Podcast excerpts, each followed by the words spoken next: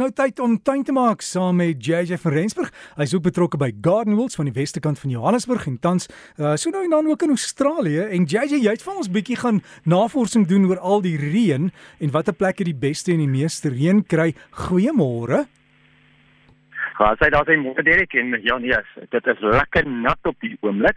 So ek het bietjie nou oom Goggel toe gegaan en hom gevra, hoor jy nou sê vir my, wat is wat wat maak hierdie reën bo natuurlik of uitermate op die oomblik? Nou Suid-Afrika kry oor die gemiddeld 464 mm reën per jaar. So wêreldwyd is die gemiddeld omtrent 860 en dit is op om uh dit bekend is dat Suid-Afrika 'n waterskaars land is of 'n droër land is. Nou Johannesburg, toevallig daar waar jy sit, kry gewoonlik gemiddeld so 705 mm per jaar.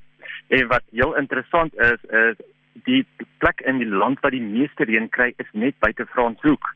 Uh Wemmershoek word dit genoem en dit praat van oor die 3000 mm per jaar. Dit is nogal heel interessant. Maar ek het ook gekyk wanneer was dit uh wat wat op die rekords is geplaas van die meeste reënval in een dag. Nie sal my glo nie. Meeste reënval in een dag het op 'n eiland gebeur um, gebeur in die Indiese Oseaan en dit was 1825 mm in een dag. So kan jy dink hoe daai eiland weggespoel het. Maar in elk geval ja, so geniet ons die reën en ek sê altyd vir almal, onthou dit nou die regte tyd om seker te maak dat jy soveel as moontlik van daai reën in jou tuin ook opvang. Ek het 'n rukkie terug toe praat ek van die tanks wat 'n mens kan opsit, die wateropgaar tanks. En baie mense het vir my laat weet nee, hulle wag eers vir die reën om te kom voordat die tanks opgesit gaan word wat vir my bietjie dom is om so lank te wag. Doen dit eerder voor die tyd dan kan jy al hierdie lekker reën opvang.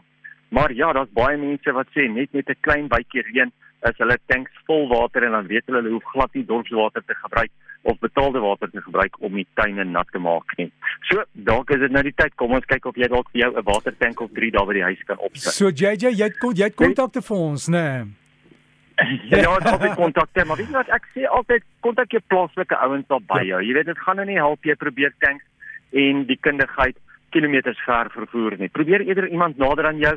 Uh jy gaan dalk miskien dit teen 'n goeie prys kry dalk miskien 5% meer betaal as wat jy sou betaal het, maar weet jy wat, dit is altyd die moeite werd. Ek het met iemand het uh rukkie terug vir my op Facebook gesê vandat hy sy tanks ingesit het 10 jaar gelede, het daai tanks hulle self al oor en oor afbetaal. So dalk is dit tyd dat jy ook nou wel jou eie reënwater kan gebruik in jou eie tuin. Maar sterkte met almal daar buite.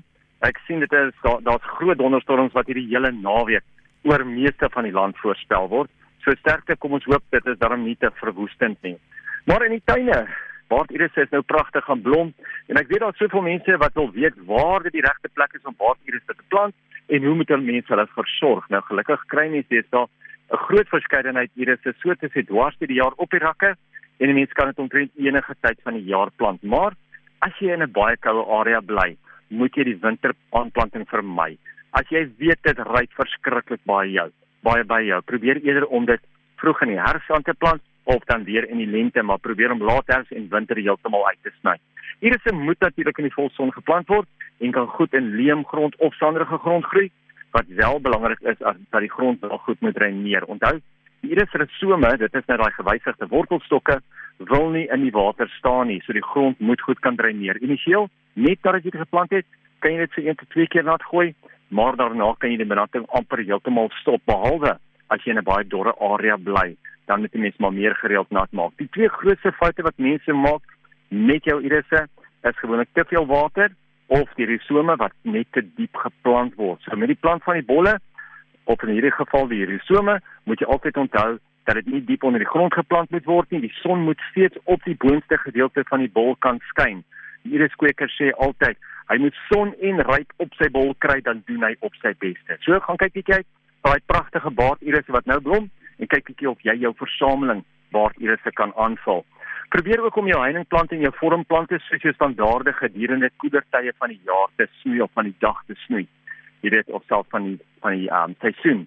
Baie mense snoei dit in die warmste tyd van die seisoen of in die warmste tyd van die dag en dan brand daai blaartjies. En 'n mens moet onthou om heeltyd 'n nuwe groei aan te bring, moet 'n mens dit baie gereeld snoei en moet jy dit ook sommer met 'n 713 voer. Maar soos ek nou net sê, probeer om dit te snoei of vroegoggend, laatmiddag of as jy sien jy het 'n paar dae wat dit bietjie oortrokke is en heeltemal so warm is nie, dan weet jy ten minste daai onderste blaartjies wat agterbly nadat jy gesny het, gaan nie brand nie. So dis belangrik. Laas het ek laas week het ek gepraat van kykiepierings wat so lekker geurig is en ek het heelwat navraag gehad oor watter ander plante ook lekker geurig is. Nou daar's eintlik heelwat, maar 'n paar wat bo uitstaan vir my, is die frangipani, die verblyfblom, die yesterday tomorrow natuurlik soos baie mense hom ken, buddleia, ons gewone inheemse skoenlapperbos, die viburnums, ek weet in Engels noem hulle dit sweet viburnum, lilies wat natuurlik jou Asiatiese lilies insluit en dan jou polyanthus wat 'n tuberose is wat weer eens 'n bolplant is en jasmyne, maar daar's ook nog baie meer. Jy sal net nou vra hoekom ek nie die gewone rose noem nie en ek seker omdat nie alle rose 'n geur het nie. Ja, sekere van jou rose soos byvoorbeeld net om 'n paar te noem, jou Just Joey, jou Double Delight, jou Mr Lincoln of jou Papa Myland, ruik besonder lekker, maar daar is ook baie van hulle wat glad nie 'n geur het nie. Ek het al 'n paar keer die vraag gehad, wat kan 'n mens doen om 'n plant se geur beter te kry, die blomme se geur beter te kry. Nou ongelukkig is daar niks wat jy kan doen om jou plante ehm um, se geur beter te maak nie. Voer hulle vir meer blomme sodat jy meer blomme aan die plant het wat wel vir jou gaan geur gee en onthou dit is die tyd van die dag, dis die posisie waar hy geplant word, is hoe gereeld jy nat gooi wat eintlik die grootste rol speel oor hoekom jou geur van jou plante so sterk is of dan nou nie kyk net of jy dan vir jou 'n paar geurende plante in die tuin kan plant. Ek weet daar's baie mense wat nou net met hooikoors sit en sê o asseblief nie. Maar as jy nie daai probleem het nie, kry jou tuin laat hy sommer lekker lyk. Hierdie konstans in die week vir hierdie week is weer een van daai pragtige nuwe meerjarige grasameliede op die Dianthus soos dit in Engels bekend staan. Die Dianthus barbatus jolt. Nou die jolt wat vir my besonder is van die jolt is dat dit ene is wat nie saad skiet nadat hy geblom het nie. Onthou, As grasangeliere of as plante saad skiet nadat hulle geblom het, dan beteken dit hulle hou op met blom. Maar hierdie enetjie, hy skiet nie saad nie, so hy blom eintlik vir baie lank dwars deur al die warmer uh, maande. Baie grasangeliere hou ook nie van 'n baie warm klimaat nie. Hulle hou meer van 'n gematigde klimaat, maar hierdie ene kan die warmer weer hanteer. Hy het helder kleurige blomme op kort stewige plante wat goed groei in die volson en 'n goed grond wat baie goed kan dreineer en grasangeliere groei natuurlik net so goed as enkelplante in potte in die beddings of jy kan hom in massa plant vir 'n baie hoër impak. So gaan kyk bietjie uit en vra spesifiek vir die Dianthus barbatus Jolt, J O L T. En so gesels JJ van Rensburg. En dink amper is daai Dianthus is hulle mooi blom en weet jy daar's reën op pad maar in elk geval jy kan die enigste kry op die Breakfast Facebook bladsy. JJ plaas vir ons alles daar en jy kan ook daarvan af kontak maak jou vrae plaas maar gaan loer. Hy het ook sy Gardens by JJ uh, Facebook bladsy en al die enigting en fotos is ook daar. Lekker tuin maak